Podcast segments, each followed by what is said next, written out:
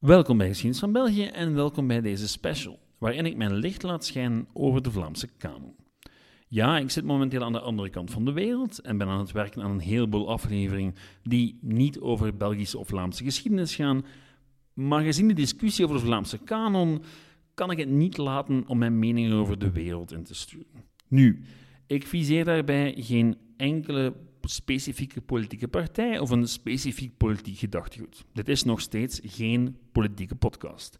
Ik als mens mag daar wel allerlei politieke meningen hebben, maar als geschiedenisliefhebber en publiekshistoricus en geschiedenisleerkracht gaat het me in de eerste plaats om de historische werkelijkheid en hoe we die beter kunnen leren kennen en wat we daar dan eigenlijk uit kunnen leren voor de dag van vandaag.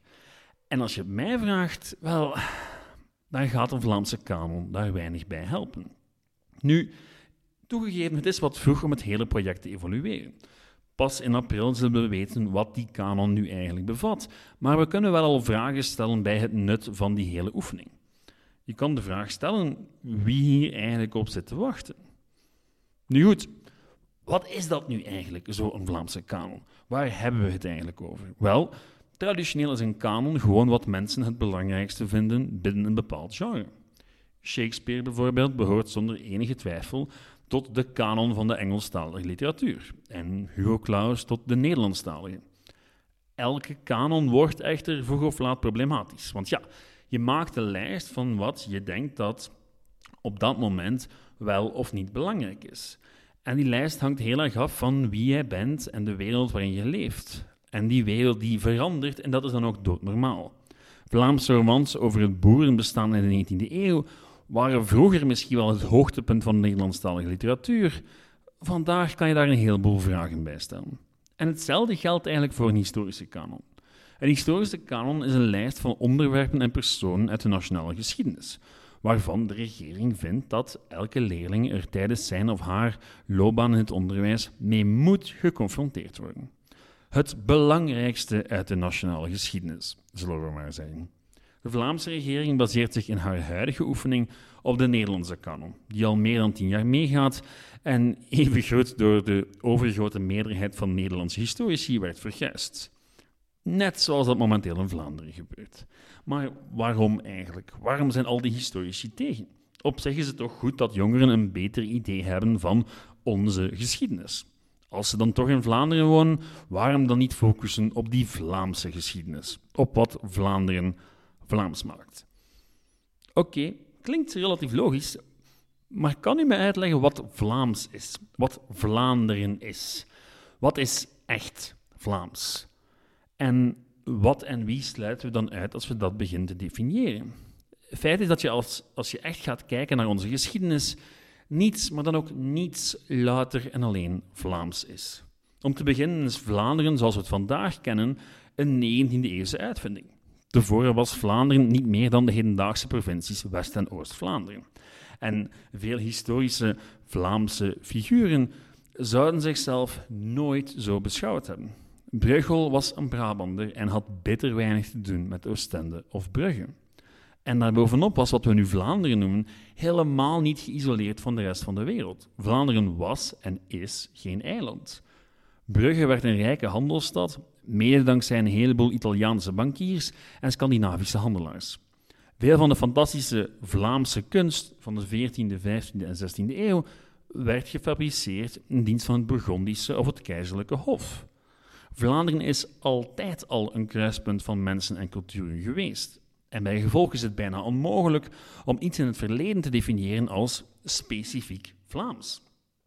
De realiteit is dat het graafschap Vlaanderen en het hertogdom Brabant, de twee hoofddelen van wat vandaag Vlaanderen vormt, in het verleden minstens evenveel te doen hadden met namen, Henegouwen, Luxemburg, Holland, als met elkaar. Het Vlaamse verhaal valt onmogelijk te vertellen zonder het Belgische, het Nederlandse, het Europese of simpelweg het globale. Dus waarom willen we dan eigenlijk geschiedenis reduceren tot een verhaal van een kanon? Nu goed, reduceren is misschien het verkeerde woord. Het zou er bovenop komen, bovenop de normale leerplannen. Maar waarom hebben we de neiging om onze gecompliceerde geschiedenis als regio te reduceren tot een aantal belangrijke feitjes en personen? Omdat leerlingen geen complexiteit kunnen begrijpen? Ik denk het niet. Er zijn zeer grote verschillen tussen hoe leerlingen vandaag en vroeger geschiedenis kregen op school. Vroeger ging het vooral om grote gebeurtenissen en grote personen. Napoleon, Lodewijk XIV, de Gulden Sporenslag enzovoort. Vandaag de dag gaat het vooral om vaardigheden, om dingen kunnen. Het kritisch kunnen lezen van bronteksten, kunnen begrijpen waarom iets gebeurde. Leerlingen worden vandaag de dag een pak meer uitgedaagd in de geschiedenislessen dan hun voorgangers, omdat geschiedenis vandaag wordt begrepen als iets uiterst ingewikkeld, dat niet zomaar te vatten is in een opsomming van jaartallen en figuren. Die neiging om een lineair en eenvoudig verhaal te vertellen komt uit het verleden, uit de 19e eeuw om precies te zijn. Toen werd geschiedenis gebruikt om van alles en nog wat te legitimeren, maar in de eerste plaats de eigen natiestaat en de eigen regering. Alles wat er ooit gebeurd was op het eigentijdse grondgebied werd samengeperst in een mooi narratief dat de eigen status quo legitimeerde. En die aanpak is blijven hangen in hoeveel mensen naar geschiedenis kijken. En ik begrijp wel de romantiek ervan en waarom dat aantrekt, maar feit is, dat vertelt je bitter weinig over hoe de historische werkelijkheid echt in elkaar stak, hoe mensen echt leefden en waarom dingen echt gebeurden. Neem nu de Gulden Spoorslag. Die staat bij veel mensen vooraan op het lijstje als we het hebben over de Vlaamse kanon. En wie mij een beetje kent, weet dat ik al een hele reeks podcasts en een uitgebreid interview heb gedaan over die slag. En ik ben van mening dat die slag wel degelijk belangrijk is, maar helemaal niet op de manier die de meeste mensen denken. De Gulden Spoorslag was geen veldslag tussen Vlamingen en Franstaligen.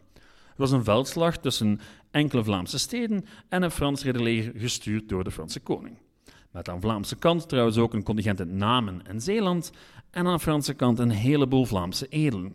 En wat vertegenwoordigers van Vlaamse steden die niet aan de kant van de opstandelingen stonden.